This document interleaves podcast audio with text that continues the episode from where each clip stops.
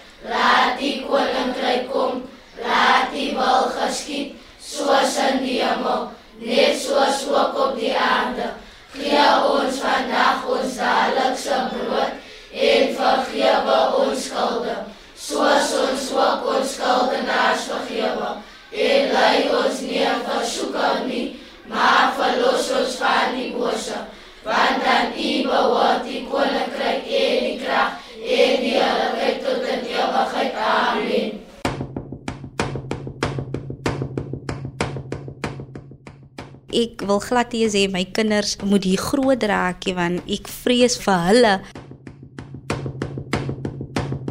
Hier is baie ouerige mense wat hier woon in die omgewing, so ek kry eintlik vir hulle ook jammer want hulle is glad nie gewoond aan dit nie. Op 5 jaar ouderdom het ek my ma en my pa verloor. My pa het my ma opgehang en toe het hom homself opgehang.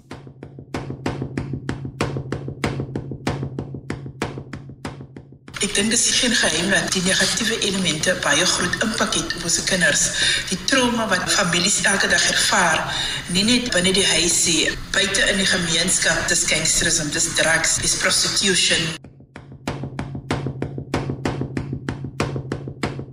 Kom luister na die tweede aflewering van Wat klap daar so op die Kaapse vlakte?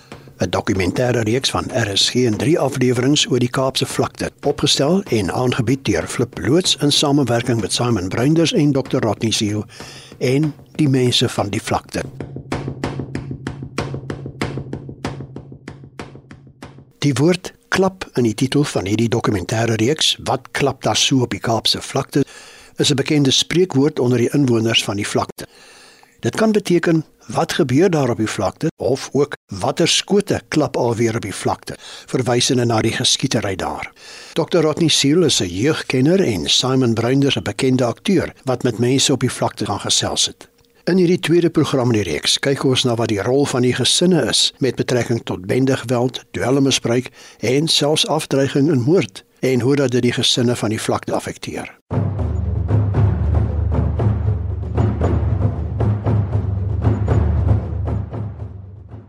Wanneer jy met inwoners van die Kaapse vlakte praat, kom jy agter dat die spanning hoogloop en dat dit moeilik is om ongeskonde en in vrede daar te bly. 'n gemeenskap waar daar so baie bende geweld is en sterftes is, moord wat gebeur. Met die groot raak raak ek in 'n gemeenskap groot waar dinge net hand uitgeruk het. Kinders wat voor my groot geraak het, het te begin weldadig geraak teenoor mekaar. 16 jaar oud, ga de tronk toe vir my eerste moordsaak. Sluit aan in die 26 bende in die tronk en ek dink nou dit dit is my lewe. Met al my verkeerde dinge wat ek doen, was ek al 7 keer geskiet. Ek was al hoeveel keer in die hospitaal al. Daar is hulle wat sê dat dit byna onmoontlik is om die hele tyd koes koes en omkyk omkyk te loop. Sy is nie meer syfie buite nie. Almal gaan dood, lyf is te kort. Waarvan sy moet omkyk, omkyk loop. Daar selfs diegene wat wonder of hulle na 'n dag se werk elders weer saans by die huis gaan uitkom by hulle families. Ek kan vir u sê is verskriklik, veral onder die jong mense.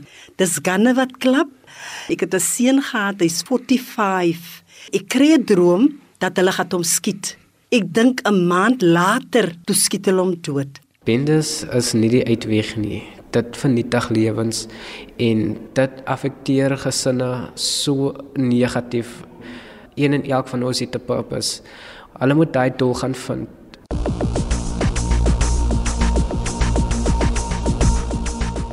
In navorsing oor die toestande van bendegeweld, dwelmmisbruik en sosiale onstabiliteit op die vlakte, sowel as in gesprekke met van die ouer inwoners en selfs jonger mense op die Kaapse vlakte, is dit duidelik dat baie van die huislike en familieprobleme wat interne spanning veroorsaak, van ver af kom.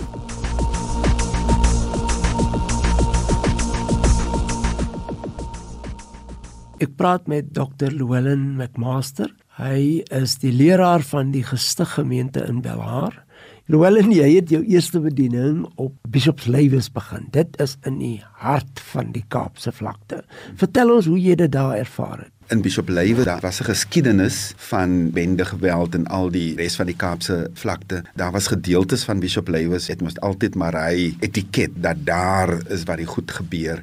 Dit was nogtans vir my 'n blootstelling aan die tipe geweldsmisdaad waaronder gangsterisme, die bende geweld of gangsterisme wat ek dit nou maar eintlik so noem op die Kaapse vlakte het nog al 'n unieke karakter en is 'n ding wat generasies aankom as ek nou op 'n bepaalde WhatsApp groep ingaan wat ek deel van is, dan kan ek jou sê daar word geskiet in Menenberg, in Vancouver Park, in Kalksteenfontein en so aan. Dis byna daagliks wat daar bloed vloei. Ek het ook so 'n gediggie op 'n kol geskryf, die bloed vloei op die vlakte. Wie gee om? Wie gee werklik om? Dis 'n baie close knit community. Almal ken vir almal en nou is dit nie die kinders nie, maar die kinders se kinders wat nou alles wil omkrap. Ek sit hier met 'n jong man en hy gaan ook sy storie aan ons vertel. My naam is Dwayne Miller en ek is nou tans 19 jaar oud. My storie begin way back met my 14 jarige ouderdom. Toe ek 11 jaar oud was, het ek my pa aan die dood afgestaan en voor dit was my lewe net blommetjies en sonskyn, maar na ek hom verloor het, was alles anders. Ons praat hier met Basil Kutsie 'n gemeenskapsman en 'n digter wat baie oor die bruin mense en omstandighede en sommer oor die Kaap in die algemeen gedig het. Basil, jy het in Polsmoor gewerk. Tussen ja. die twee nie uit. Ja, ek het op Polsmoor op Medium B gevangenis gewerk. Daarna het ek gemeenskapskorreksies gewerk waar ek parolies tuis besoek het en gemeenskapskorrektiewe gevonnisnes. Hoe het jy die kwessie van identiteit en goed wat hulle daar gebring het waargeneem? Ek wil praat van ons eie soortige identiteit wat die groepsgebiede wet en die rasseklassifikasie wet en wat die gevolge daarvan was. Want as ek byvoorbeeld as 'n voorbeeld wil aanhaal, is die Staggie broers en die stigting van die bende Heart Livings dat dit begin nadat hulle slagoffers van die groepgebiede wet en die uitvoering daarvan was. En toe hulle in Menenberg in woonstelle gegooi was, het hulle nou toe natuurlik hierdie bende begin. As 'n navorsing en skrywer oor die bruin identiteit, as ek die term mag gebruik, was daar een voorval op Paardeberg gevangenis in 1989 wat vir my baie sterk uitstaan. Wat gebeur het op hierdie dag was hierdie gevangene ontslaan. Ek het agter hom geloop terwyl hy na die hek van die perseel geloop het waar sy familie of vriende vir hom gewag het en ek het hom toe geroep met die bedoeling om hom te sê sterkte vorentoe en ek roep hom toe op sy werklike naam en het eenvoudig aangeloop. En toe onthou ek maar hy's ook 'n bendelid en 'n groep hom op sy bendenaam. En hy gaan staan onmiddellik stil en hy draai om na my toe en sê ja sergeant, wat is dit? Ek het onmiddellik geweet wat nou hier plaasvind. Hy dra met hom 'n alternatiewe identiteit. Want hy was al 'n groot man, so hy het 'n geskiedenis van verwerping, familie, die gemeenskap self waarin hy homself nie langer as 'n mens in eie reg beskou het nie, maar sy alternatief, die bendeskap, die het sy realiteit, sy werklikheid geword. Ek praat nou hier met Soraya Mohammed van Heideveld.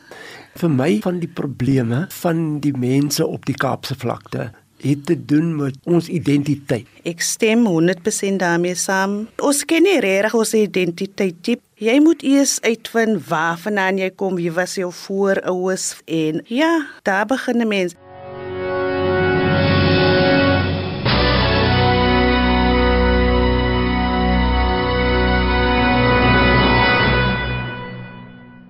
Die volgende uitdagings kom voor wanneer daar na families en gesinne op die vlaktes gekyk word, beide wat ouers en jong mense aanbetref.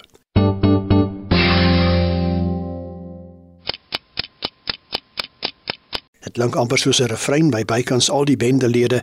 Ek het deel van die bendes geword omdat ek nie genoeg aandag by my huismense gekry het nie. As ons alles moet saamvat en dit terugneem, dan gaan dit maar oor die gesin. Waar hierdie kind vandaan kom. Elke kind is tog deel van 'n huisgemeenskap. Die meeste van ons kinders in 'n gemeenskap soos Delft word groot by 'n mamma of 'n ouma of 'n tante. Ik is Charles in Amsterdam. Op ouderdom van 13, 14 jaar oud begin ik experimenteren met dwelms en sigaretten. Voor 10 jaar van mijn leven was ik vastgevangen binnen in dwelmsdrijverheden. Met bendes in dwelms maakte dat de mens familie niet meer tijd heeft voor jou niet. En niemand is in de hierarchie kans voor jou niet. En zij is net de verkeerde persoon. Daar's 'n gebrek by die huise, die ouers, die ma's natuurlik, die broodwinner, die ma speel die pa figuurrol. En sit geen beheer natuurlik ook oor kind nie. Jou familie moet se een kind sit en nou word die bendes jou familie. Ek het groot geword as enkelkind daar by ons huis. Ek het 'n ma gehad en baie gedrink. En ek ken nooit my pa nie. As gevolg van dit moet ek my eie manier vind om myself te beskerm. En dis hoe ek my bevind het aan die gangsterisme. Daar's verkeerde rolmodelle. Die lede van bendes lyk soms so suksesvol. Hulle dra goeie nuwe klere, het genoeg geld en lyk amper altyd in beheer. Dit wil voorkom dat jong mense sulke persone as hulle rolmodelle beskou eerder as 'n pa en 'n ma in die huis. Ons kinders kort rolmodelle en op die oomblik is die nie goeie rolmodelle in die gemeenskap nie. My naam is Zain Rastof. Op die ouderdom van 13 het ek begin te my blootstel aan gangsterisme, bindegroep gejoin wat geweld is by ons in die area en in die Weskaap en Ek dink ons moet rolmodelle soek. Ons moet hulle vra om betrokke te raak. Want dis wat die ouens gedoen het, die staggies daai jare in Menenberg, Stansfield en Valhalla Park en so aan.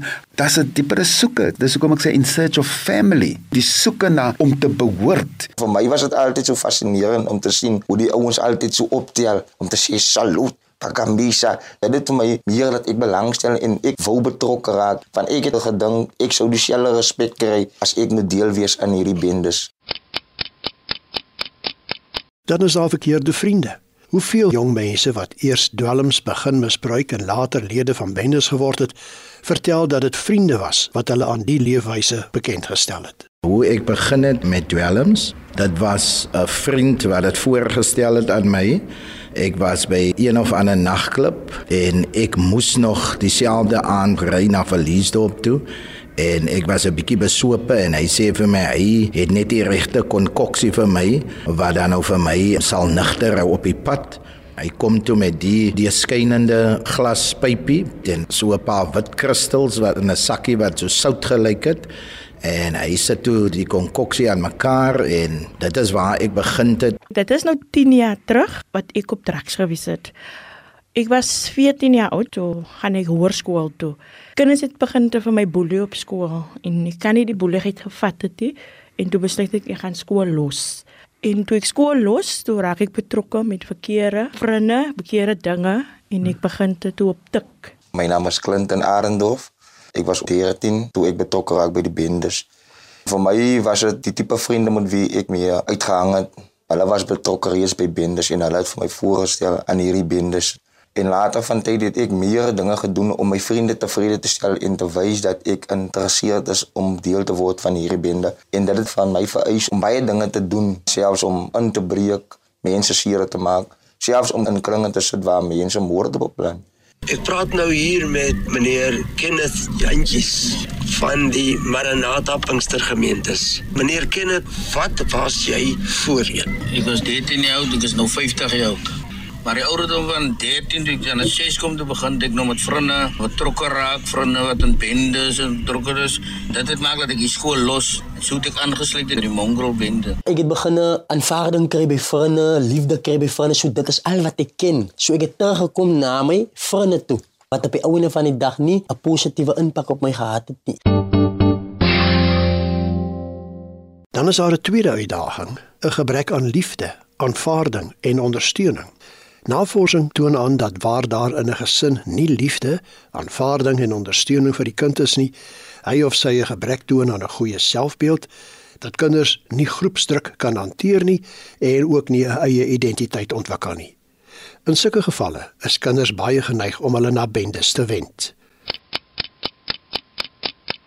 Vandag se lewe is daar baie jong mense wat buite kan ronddwaal, wat soek waar hulle moet wees en ons ouers moet leer om op ons plek te wees om ons kinders te help en daar te wees vir hulle Hulle gebruik verskillende dinge om ons aandag te soek. Daar word gesê daar's liefde en daar's waarheid vir mekaar.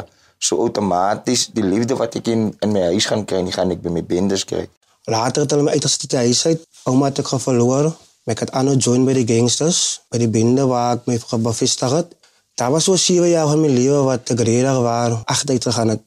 Ek het opgeëindig op die straat, ek het geslaap by die stasie.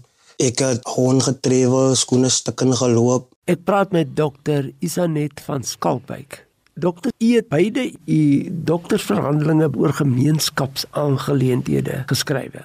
Vertel ons 'n bietjie daarvan. Die eerste verhandeling het gegaan oor gesonde tieners.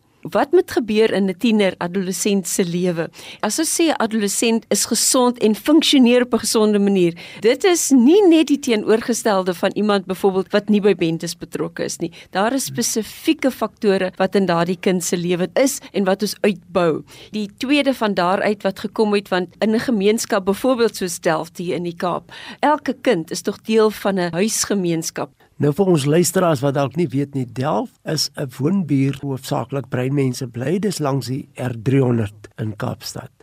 Hoekom spesifiek Delft en wat was u benadering tot die gemeenskap in u verhandeling? Delft is 'n reis van meer as 13 jaar al.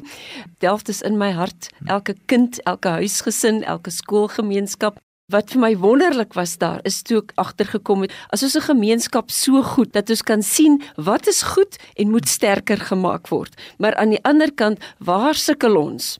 Soos byvoorbeeld 'n mamma, eenvoudige aspek. Ek is lief vir my kind, maar in Delft het ons 'n woord skelling. Selfs ons isikosa leerders praat van skelling. Met ander woorde, mamma weet nie hoe om met my te kommunikeer op 'n liefdevolle manier nie. Mamma skel net en hulle dink dat deur die skelling gaan ek nou kan regmaak maak dit wat miskien nie mooi loop nie. So die kind sien die ma as kwaad die hele tyd. Terwyl die ma natuurlik haar eie probleme en haar eie mm. agtergrond het. Ja, daardie gesonde kommunikasie, effektiewe kommunikasie.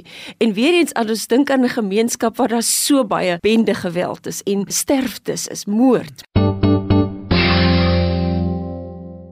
'n Derde uitdaging: kinders wat vir gesinne moet sorg.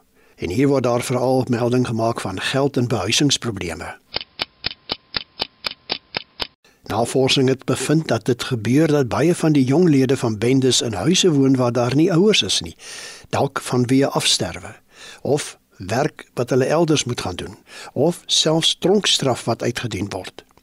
Hierdie jong kind moet dan die verantwoordelikheid vir die huishouding oorneem en vir die broers en susters sorg. Waar beter as by 'n bende wat omgee vir sy lede en dikwels finansiëel bydra om te help waar nodig. Ek voel die kinders word jonger en jonger wanneer hulle word geakteer en miskien deur armoede.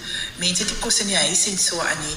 En so dit is maar net 'n sandgrain van wat mense ervaar in terme van omstandighede wat baie baie moeilik is vir ons kinders. En mense kan nie stryd teen die feit dat dit wel ons kinders emosioneel effekteer nie.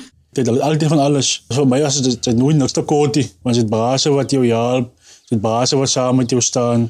En al iets wat ek gehad het, soos van my gevoel, maar ek wil hier by die ouens wees. Dit gebeur ook dat waar ouers nie finansiëel kan sorg vir 'n gesin nie, die kind moet uitspring om te help. My omstandighede was baie swaar. Inkomste was mos skaars. Dit was net my ma wat gewerk het en hy en my auntie. Ek het maar probeer om ook geld in te bring, maar die manier hoe ek dit gedoen het was baie verkeerd. Ek begin smokkel en ganja wat koop het en darak het ek ook maar trok geraak met gangstervriende en so. Katrina Ross, groot geraak in Peroos. Het in 'n ouer huis gebly waar my ouers dit nie so goed gehad het om vir ons te kan gee wat ons as kinders wil hê en ek is vroeg uit die skool uit werk vir my ouers en so het ek beland in die olyfbome waar ek gehelp het met my ouers om die omstandighede te verander waarvan ons Fredas Anna moes hy toe kom en maar by 'n winkel ingaan en viskeiings koop en 'n halwe brood sodat ons almal kan eet. Ek het die voorreg om met Lionel te praat. Geldgewys, hoe baie geld moes jy spandeer om welms te bekom?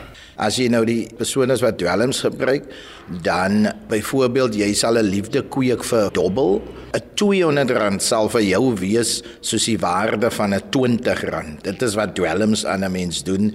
So ek sal byvoorbeeld 'n R2000 vir die aand nou in my sak het Jy bereik 'n punt waar jy nie meer respek het vir geld nie. So 'n 2000 rand in 'n aand se tyd was niks vir my om uit te gerook het en die volgende oggend as ek so spyt, dan het my kinders eers geld om skool toe te neem of daar is brood in die huis nie want die volgende oggend het ek absoluut niks meer oor van daai 2000 rand nie. Ek dink die ouer jongens wat in die game is, hulle is geneig om ons kinders te braai, om te sê hulle gaan patetjies koop en omdat ons as ouers nie dit het vir ons kinders, gaan die jong kinders daar vir dit 'n Vierde uitdaging is disfunksionele gesinne en 'n gebrek aan ouerlike toesig. Afwesige vaders is in baie gevalle 'n groot rede waarom veral seuns by bendes betrokke raak.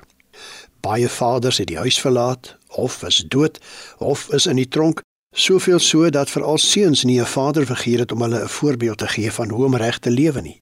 So neem bendes dikwels die rol oor van die gesag van 'n vader in 'n kind se lewe. My naam is Christian Reuters. Ek raak groot in 'n huis waar ek by my ouers gehad het, maar en pa. By ouer my sussie het my pa verloor, weens 'n natuurlike siekte. Soos ek groot het in die gemeenskap en baie mense vir my gesê, "Jo, Christian, dit is die tipe lewe wat jou pa sou wou gehad het van die pa was 'n wyse man. Hy het wyse besluite geneem en hy het altyd gekyk dat jy al right is en dit wat jy doen en al hoe meer het dit by my bygebring." en my vaderlike figuur nie meer daar is nie. Ek het op soek gewees na 'n vaderlike figuur en dit het ek buite gaan soek in die gemeenskap en, en daar het ek vriende gewoon moet en daar het hulle my blootgestel aan gang activities so straatbendes. Die tyd toe ek by die bendes betrokke raak, was daar so tipe van persoon wat hy vaderfiguur rol kom vertolk in my lewe. So ek het alles met hom gedeel. Ek het hom in my vertroue geneem soos ek my vader in vertroue sal neem. So het ek my bendevriend in vertroue geneem. Ek het 'n vader figuur gehad in my lewe. My pa, maar hy was ook altyd betrokke nie. En toe die tyd toe ek by die bendes betrokke raak, was daar so tipe van persoon wat hy vader figuur rol kom vertolk in my lewe. In Bontiewil se dele soek kinders 'n pa. Hulle soek 'n man wese maar is absent. Daar is nie 'n pa nie. Is altyd enkel maans pa het gaan siepkoop en nooit weer teruggekom nie. Das dit altyd die ma wat moet gaan werk. Die kinders is op die skool en as hulle terugkom, is daar nie iemand wat omsien na hulle nie en hulle maak net wat hulle wil. Toe ek 11 jaar oud was, het ek my pa in die dood afgestaan en na ek hom verloor het, was alles anders want my pa was my geestelike leier, die een wat vir my nader aan God gehou het.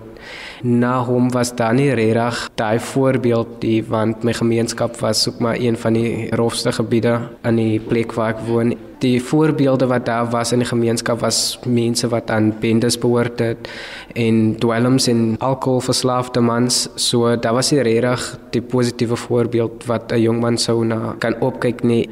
Baie van die paans is weg. Hulle loop weg. Ek noem hulle die runaway guys. En baie van hulle sit in polsmoor en sulke soort van goed. Is vir jou die feit dat sommige paans afwesig is dalk 'n probleem? Ja, natuurlik. Kyk in my geval ek het sonder my pa groot geword. Dis waar my oupa die rol basies van my vader kon ingeneem het omdat hy 'n goeie voorbeeld gestel het. Het dit uh, vergemaklik vir my ma wie dan nie enkel ouer was om my ook beter groot te maak want ons het hom as die vaderlike figuur basies gehad en so aan. Ek is hier by Lynn van Portlands in Mitchells Plain. Lynn, jy is al vir jare 'n weduwee met kinders. Die afwesigheid van 'n pa, is dit dalk 'n leemte in die familie waar daar nie 'n rolmodel is om te sê ons moet so die pad loop of toe nie en jy probeer jou beste om ma en pa te wees. Yeah, Simon, I think the father figure played a big void in their lives. But my support structure, I feel it was very good. As in my parents, because we all lived with my parents, and also my siblings, and my brother in law, on their father's brother. He still plays a vital role in the lives of my kids and my grandchildren. Hier moet daar ook melding gemaak word van blootstelling aan huishoudelike geweld. Navorsing toon aan dat blootstelling aan huishoudelike geweld dikwels lei tot gewelddadige gewoontes by jong mense en dat die bendes se teelaarde hiervoor vorm. Klein kindertjies 3 tot 5 jariges by hulle huise gebruik die ouers dwelms. By hulle huise sien hulle as iemand doodgeskiet word Er was baie goedjies wat my getraumatiseer het op 'n jonge ouderdom. Ek het aanskou mense, welm verslaaf raak, aanskou mense mekaar uitmoor op 'n vroeë ouderdom. Twee seentjies het beklei en ek het die enetjie agtervolg. Want ek het gesien hy het 'n verskriklike humeur. En toe ek nou by die huis kom, die groter broer het die mamma geroep en die mamma het nie regtig geluister wat ek vir haar wou verduidelik nie. Sy het hy kind gegryp en sy het hy kind se oor omgedry. Sy het hy kind geslaan en dit het vir my gesê dat hier is 'n probleem. Dis hoekom hierdie kind buitekant so is. En sommige kere dan gaan ons sit dieper in om uit te gaan vind waar lê die kern van die probleem. Jy hoor een keer maar nie stoor, hy die man, hy so bad. Maar jy weet nie aan die ander kant nie. You jump to the conclusion this is a bad guy, but you never asked him the reason why. Jy sien die lady het goed raak vir jou. Hy raak groot, nou gaan hy hoërskool toe, nou raak hy uit. Jy worry nie. Dis my kind, dis my probleem. People want to be heard. Die bendes op die Kaapse vlakte is bekend vir geweld en skep 'n omgewing waarbinne die jong mens wat dit mis in sy of haar ouerhuis dit dan kan toepas. Er was baie goedjies wat my getraumatiseer het op 'n jonge ouderdom. Ek het aanskou mense, welm verslaaf raak, transkou mense mekaar uitmoor op 'n vroeë ouderdom. Toe ek net my voete in Heidevat gesit het, het ek 'n ouetjie ontmoet. Hy was in dwelms, gangsterisme, al daai goed. En eendag kom hy na my toe. Hy sê, "Antilisa, mense verstaan ons verkeerd. Ons gebruik nie drugs omdat ons wil of om ons ons probeer snaaks wees nie. Ons gebruik drugs want ons harte is so seer." En toe vertel hy hoe sy broer hom seksueel misbruik het wanneer hy 5 jaar oud was. En eendag, toe besluit hy hy gaan na die gangs toe gaan hy gaan 'n gun kry en as sy broer dit weer doen op 13 jarige ouderdom, het hy vir sy broer gesê ek gaan jou doodskiet. So my ouers het 'n gemeenskap pas gemaak as 'n hotspot vir gangs en die polisie het elke dag hier toe kos laat en so net om die gangs op te breek van ons elke dag beklei en so. Ek het betrokke geraak in vir my eie proteksie ook op 'n van die dag. Want so 'n hulle was ek in gevaar. Soos maar my gewoonte is, beweeg ek 'n bietjie in die gemeenskap rond en ek sien daar sit so ses ouens op die sypaadjie en ek gaan sit daar by hulle en ek gesels maar met hulle oor die algemeen en ek kom agter dat dit is geharde ouens in die lewe. As ek sê hulle is gehard, dan is daar niks meer wat vir hulle uitdagings is nie. Hulle is nie bang om terug te gaan tronk toe nie. Hulle is nie bang vir 'n datum te doen nie want they are in control. Hulle voel dis hulle territorie, dis hulle plek en hier gee hulle opdragte.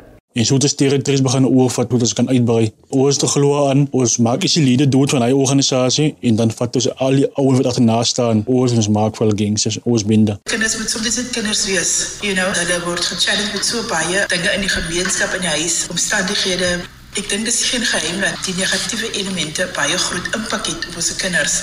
Die trauma wat families elke dag ervaar, nie net binne die huis nie, buite in die gemeenskap. Ek sit nou hier by Pastor Haas van die Maranatha Pinkstergemeente.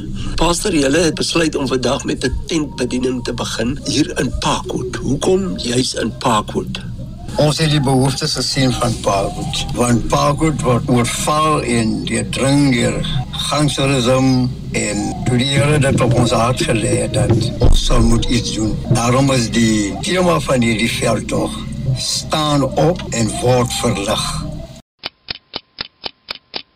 Selfs in die baie gewilde Kaapse vlaktes hip-hop kletsruimliedere kan gehoor word hoe dat sommige sangers bekommerd is oor die geweld. Nou dis 'n ware verhaal wat ek in Afrikaans wil vertaal oor 'n lady wat in die boosheid van die strate verdwaal. Hy gebruik dit en hy sit op jate vir al. Hy maak skuld by die mens en dan moet sy male betaal. Nou so 'n lady se lewe word deur die strate bepaal. Groepsdruk, sulke vriende zag mekaar in 'n kraal. Desperaat om hoog te raak, hy begin slaap hulle straal en dit skaars die groot totale nie eksamen behaal. Dis 'n magnetiese effek van drugs se staal wat jong mense aantrek om tot die laaste te daal. En as jy laag is, dit sy vas soos 'n skaap in 'n kraal. Terwyl hom sal die datum van jou begrafnis bepaal. Maar moenie net opgee nie, my broer, my broer. Sy moenie net afgee nie, my suster, my suster. Sy moenie net stop nie, sy moet move, move.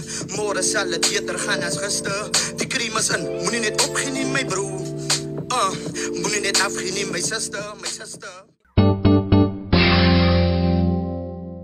Hierby sou gevoeg kon word kinders wat dwelms leer gebruik. My dogter het matriek klaar gemaak, begin werk en by ouderdom van 19 Toe vind ek uit dat sy is besig met drugs, namely tik. Sy is toe rehab toe vir 28 dae en teruggekom vir 12 jaar het dit goed gegaan en toe val sy terug in die struik. Versoek ons het gekom op my pad en ek het heel geraak van bindes, ek begin drugs gebruik en ek het my ma se hartjie gemaak om hy pad te volg. Een van die goed waar aan ons jong mense eerste voorgestel word, is natuurlik mos so dwelms. Om ook vir hulle deel te maak van die groep dat die kind later afhanklik raak van dwelms. Hulle sit baie keer in die skool, dan sit en slaap hulle want hulle is bedwelm. Drop-out kinders wat nie skool toe gaan nie. Weet u dat ons groot uitdaging eintlik vandag is ons drop-outs van ons kinders by die skole. Ek verwys spesifiek na ons laerskoolkinders. Ek was verbaas vir hoeveel kinders by die huis is. Dis die kinders wat ons drop-outs is en wat in die tyd wat hulle in skool is, as hulle die potensiale gevalle wat natuurlik mos met bendes te doen kry. Baie van die ouers het nie geweet dat hulle kinders in dwelms betrokke was nie. 'n Probleem met dissipline. Ons sê ons kinders het nie dissipline nie, maar dan gaan jy na gang toe waar jy moet dissipline. Jy kan nie net doen daar wat jy wil nie. Jy gaan gedissiplineer word. Bendes 'n sterk invloed op die gemeenskappe en gesinne amper elke tweede dag of 'n naweek is daar jong mense wat sterwe. Hulle gaan in die huise, dan skiet hulle sommer 3 of 2 dood. Mense was bevrees. Hulle het vir ons gesê, "Mevrou, julle sal nou net in die taxi moet klim wanneer as julle nou aan die ander kant kom." En die bendes het gesien julle gesels met ons, dan gaan hulle vir julle aanval. Daar is ouens wat leiding neem in bendes wat dwelms verkoop en vir die ouens wat meestal uitgaan om te beklei opdrag sal gee, want hulle het mos die mag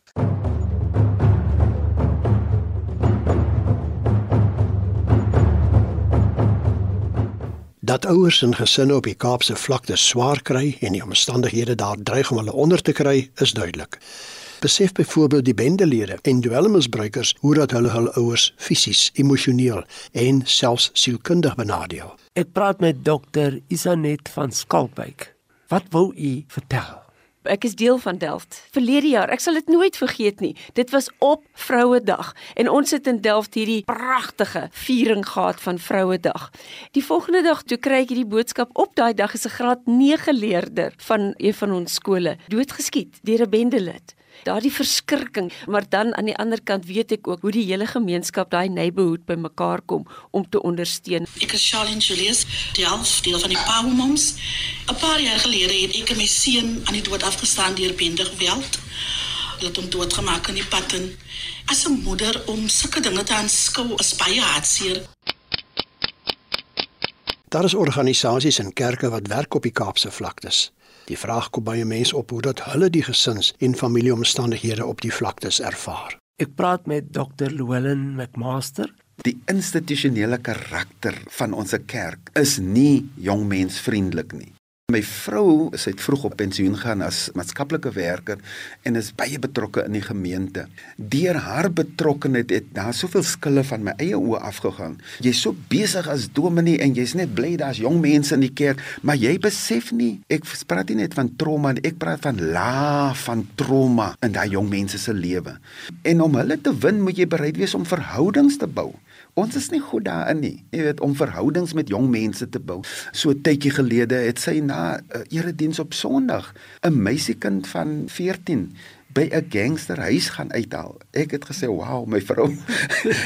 Dis 'n risiko." Sy vertel toe sy daar aankom, die een ouetjie staan daar, jy weet, en hy sê, "My naam is Damage." Sy sê, "Is dit jou regte naam?" Hy sê, "Ja, Damage." Daai mense het respek vir haar gehad want sy het die regte benadering gehad. Sy het nie daar, jy weet, dreigend ingekom nie. Sy het duidelik haar kommer oor hierdie meisiekind gedeel en hulle sê toe by ou en dankie dat jy haar kom haal het, mevrou. Ek praat nou hier met pastoor Haas. Kry jy baie jong mense in die kerk en kom soek hulle by jou raad en hulp? Ja, natuurlik dit gebeur. Daar's daar wat jy af is as daar waar dit 'n uh, bietjie wolkerig is en so Die beste raad is altyd deur om 'n platform te skep waar die persoon kan praat oor die ervaring wat hy deurmaak om dan dan daarvan dan terug te kom na ons grondlegging wie Jesus Christus is om dan die persoon daarvan dan te neem en ons bid en wanneer ons bid vertrou ons op die Here dat die Here jou daai krag sou gee op wat jy ook al basies deurmaak te oorwin.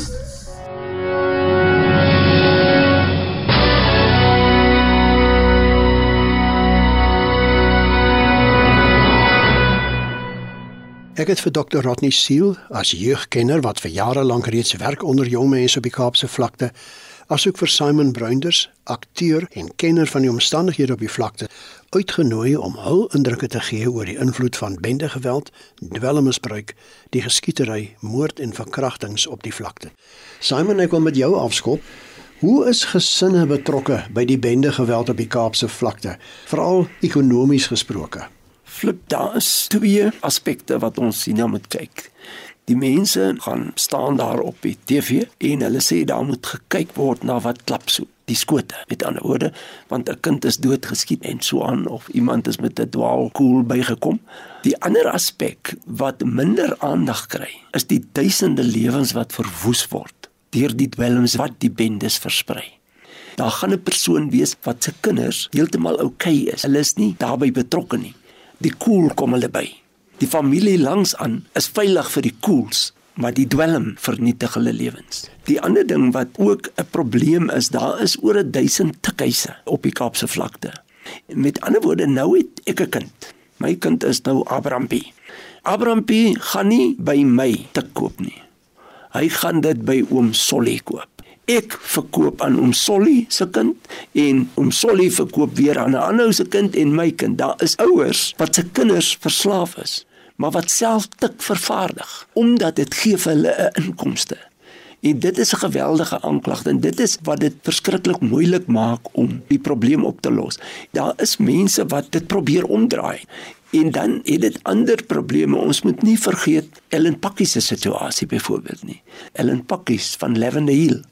Ek dink sy was 'n verpleegster en haar seun tot op 14 jaar oud was hy die wonderlikste ouetjie om in die huis te hê. En toe raak hy verslaaf aan tik en hy het absoluut 'n monster geword. Sodat haar enigste uitweg wat sy gevoel het, as om sy lewe te neem. Alles in die huis word verkoop As jy dit nie gee nie, dan is jy as die ma of die pa of die broer of sussie in gevaar van jou eie broer of sussie of kind. Rodney, kom ons gesels nou 'n bietjie verder hieroor. Watter rol indien enige speel die verhouding tussen ouers en kinders op die gebeure op die Kaapse vlakte? Ek dink net hier aan een van die onderhoude wat ons nou reeds ingespeel het, het een van die jong mense gesê my pa het my ma opgehang en toe hang my pa homself op en ek moes toe by my ouma gaan groot word en daar het nou ook probleme ontstaan. Flip, saam met so 'n bietjie geraak aan 'n paar goed, maar soos 'n wendelid vir my gesê het, "Oom, my pa is 'n dwelmhandelaar. My ma se prostituut. My sussie se prostituut en my jong boetie hardloop met dwelms." Dis die omstandighede en dit is waar verlede week genoem het oor die geweldige verantwoordelikheid van 'n pa figuur om ouers te begelei en ouers op te lei in hierdie situasie wat baie keer baie moeilik is, maar daar is wel mense wat hierdie ouers nader wat ons al mee gepraat het in die gemeenskap om hulle regtig, as ek Engelse woord kan gebruik, tools te kan gee om hulle kinders te kan hanteer. So ouerbegeleiding word daar gestel aan moedelose ouers, soos die geval wat Simon hier genoem het en hoe die ouers by jou kom en die trane hardloop en sê wat moet ek nog doen? Selfs ouers wat deur hierdie prosesse gaan, kan ander ouers dan leer. Identiteit is vir die kinders so belangrik. So hy wil aan iets behoort. En as hierdie gesin in chaos is, hoe kan hy behoort? En dit is hoekom ons hulle dan help. En daar's baie organisasies. Ek het 'n onderhoud met 'n dametjie gehad, Alicia Grinling. Sy het 'n organisasie MCM En hulle het byvoorbeeld die begeleiding van ouers, ouers ingetrek, selfs paas en oupas ingetrek, byvoorbeeld by 'n crash en vir die kinders sê dis 'n oupa en dis 'n ouma, dat hierdie paas en oupas kan sien wat dit vir die kinders beteken. En dan ook het hulle daar byvoorbeeld 'n gym, hulle het begeleiding van hoe om hierdie situasies wat kinders in betrokke raak te hanteer. En dit is 'n gewellige mooi getuienisse van jong seuns en ouers wat werklik op die moedeloos pad was, maar nou op die wenpad is. Ja, en ouers moet aanwesig wees in hulle kinders se lewens. En dis die groot probleem as die pa in polsmoor sit Nou moet die ma onder hierdie moeilike ekonomiese omstandighede nog steeds daar wees vir die kind, maar sy werk. Ek dink die waarneming van die kind wat besig is om te verdwaal, daar moet meer gereedskap daar gegee word dat as jou kind die eerste keer gebruik, hulle het sekere gedragsveranderinge, daar moet onmiddellik gereageer word. Jy kan nie wag tot die kind heeltemal verslaaf is nou al vir 'n jaar en nou met die kind rehab toe gaan nie. Wanneer jy wel met hierdie jong seuns praat, dan kom maar baie keer die verlange na 'n vader. En dan sal hy vir my sê sy pa is in 'n hotel. En die eerste keer toe hulle dit vir my sê, sê ek hotel. En dis nou die nuwe terminologie van die tronk. Dis 'n hotel. Rotie terwyl jy in die woord is en jy's baie betrokke by skole, jy werk onder ouers en dan selfs onder onderwysers en skoolhoofde en die kinders op skool, maar hoekom lyk dit baie keer asof die skole en ouers skynbaar geen beheer oor jong kinders het nie wat hulle betrokkeheid by bendes aanbetref nie? Weet jy, mens moet regtig jou hoed afhaal vir die onderwysers wat in hierdie skole werksaam is. Al wat ek kan sê, ons moet hulle salueer vir die werk wat hulle doen. Baie kinders kom skool toe onder die invloed van dwelms. So jonk as laerskoolkinders wat onder die invloed van dagga is of tik is, kom hulle dan skool. Dan moet hierdie onderwysers dit hanteer en hierdie vee af op ander kinders. Ek was nou by 'n skool gewees waar 'n graad 7 seun dwelms verkoop aan die kinders. Flip as ek net kan by sê by wat word nie gesê het. Ethel Fugard het 'n drama geskrywe People are living there. Ons moet altyd onthou dat die Kaapse vlakte en sy probleme, daar is mense wat daar woon. Daar is mense wat die regte padjie probeer loop wat se kinders oukei okay is, wat selfs uitstyg uit daardie omstandighede. Hulle moet meer uitgewys word as dis eintlik die kinders se rolmodelle. Dit is 'n swaar kry en daar is 'n hulpeloosheid by ouers te bespeer. Die enigste redding wat ek agtergekom het by my onderhoude wat mense gesê het wat hulle doen is eintlik die kerk. Ons sal in die volgende program baie meer oor die rol van die kerk gesels, maar nou wil ek vir julle twee manne so ter afsluiting van ons gesprek vanaand die vraag vra: Hoe moontlik is dit om gesinsverhoudings op die Kaapse vlakte te herstel? Wat kan gedoen word? Dit lyk my amper die ouers is aan een kant en die kinders wat die bendes is is aan die ander kant. Elke ou gaan sy eie koers. Simon 'n Mens moet altyd hoop hê dat dit wel moontlik is. Mens moet kyk na die ekonomiese situasie. Daar moet meer werk vir die mense geskep word Ek dink gesinne sal mekaar beter moet ondersteun want die ondersteuning wat ek gesien het onder mense wat ek daarmee onderhoude gevoer het en baie van hulle was vroue, maar hulle is in groepe. So ek dink daar moet groepe teen hierdie geweld en goed moet daar opstaan. Daar was destyds jare terug Pagat wat opgestaan het teen die Tikkie en Dwelm. Hy sê en dit het later tot 'n ander tipe geweld gelei. En 'n mens moet probeer om geweld uit die hele ding uit te hou. Ek dink mense moet hulle hulle strate begine terug eis. Rotty, wat sê jy? As ek kyk met die jong manne wat ek mee gewerk het, daar's een ouetjie met die naam van Kirk Vlok. Hy het iets interessants gesê. Hy sê iemand het my raak gesien. En dit is wat ons nodig het. En hy sê verder en dalk die mooi ook in my. Ons is baie krities wanneer ons so na mense kyk en ons is sommer dadelik op hulle hoe hulle reageer. Maar weet jy sy omstandighede? Weet jy waar hy vandaan kom? Vir my met hierdie bende ouetjies, net moet ingepraat sê, weet jy wat? Ek kan nie omstandighede verander, maar ons kan jou verander en jy kan ander weer verander. En dis wat tans gebeur. Ek kan soveel getuienis gee van hierdie jong manne wat op kollege sit. Hulle is onbeskryflik talentvol. En ek dink net ons moet 'n gemeenskap help om by mekaar te kan staan, hulle op te lig want ek dink die mense besef hoe lyk dit daar. Dis 'n wêreld op sy eie. As 'n mens dit verstaan, dan sal ek dink meer hande begin vashou, amper soos 'n gemeenskap hande vashou. En daar's wonderlike mense wat in hierdie gemeenskap werk. En so Simon gesê, daar is werklik fenominale jong mense wat uitstaan in skole, wat in bende rooi sone bly, maar nog skool toe kom en nog presteer. As ons so dink aan die gesinsverhoudinge Is daar die gewilligheid by jong mense om terug te gaan huise toe en die gewilligheid by ouers om daardie dwelmverslaafde kind of bendelid kind terug te ontvang? Simon? Flip ja, ek het 'n paar mense in die onderhoude gevoer wat wel teruggegaan het na hulle families. Dit was een dame wat byvoorbeeld op 'n stadium besluit het, maar sy wil graag enige man hê en sy wil graag eendag kinders hê en 'n familie, maar sy is dwelmverslaafde. En sy het omgedraai. En toe die krisis na haar toe kom weer 'n paar jaar later het sy nie teruggeval op dwelms nie. Vat hierdie dokter van Mannenberg hulle ken hom as 'n taxi drywer en het daar groot geword en toe skielik eendag toe die hele gemeenskap hulle ooit weet toe sy 'n mediese dokter En dis ouens wat ten spyte van die omstandighede uitgestyg het. En ek dink daai families wat by mekaar gekom het en gesê het, luister, ek gaan nie dat my kind soontoe gaan. Ek gaan na my kind kyk en ek gaan my kind probeer beskerm en 'n paar van hulle werk saam. Daai mense moet geloof word en sê hier is suksesstories en hou dit voor vir die ander mense. Ons moet onthou 'n ou soos Cheslin Colby kom uit die Kaapse vlakte uit. Dit dan al wat vanaand se gesprek aan betref volgende week in die laaste van hierdie 3 been reeks van ons dokumentêre program wat klap so daar op die Kaapse vlakte gaan ons gesels oor moontlike oplossings vir die situasie maar ek sê baie dankie Dr. Rodney Seal en Simon Reinders dat julle vandag saam met my kom kuier Ja dit bly hard klap so op die Kaapse vlakte Baie wil praat, maar baie weet nie wat klap nie. Jy so unlucky, jy kan nie eens hoor die skote Gaddafi. Die pad is lang en nat, jy moet nie sat gaan net vir jou trappie. Ek sien dit elke dag in jou liewe kos net 'n pakkie, is jy 'n grappie. Bro, ek doen die ding vir my mense. Rappers wil net praat van fame, geld en van klere. My music het intentions, ek weet dit tyd bietjie vere, want my enigste wens is om dit sens te maak in die wêreld. Hoe kan 'n lady van 13 jaar oud te kan Hoe kan 'n meisie van 13 jaar oud op drugs is? Hoe kan 'n vrou wat vir 13 jaar nie mang is, uitkom en nog once en hy sê hulle kak vasgevang is, ek verstaan dit nie. Is jou liewe dan nie belangrik nie?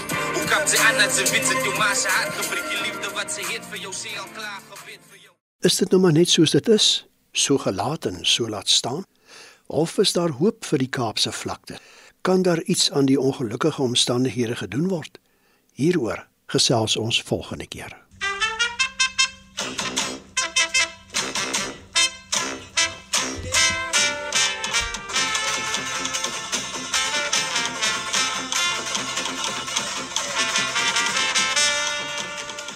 Dit was die tweede aflewering van RSG se dokumentêre reeks Wat klap daar so op die vlaktes?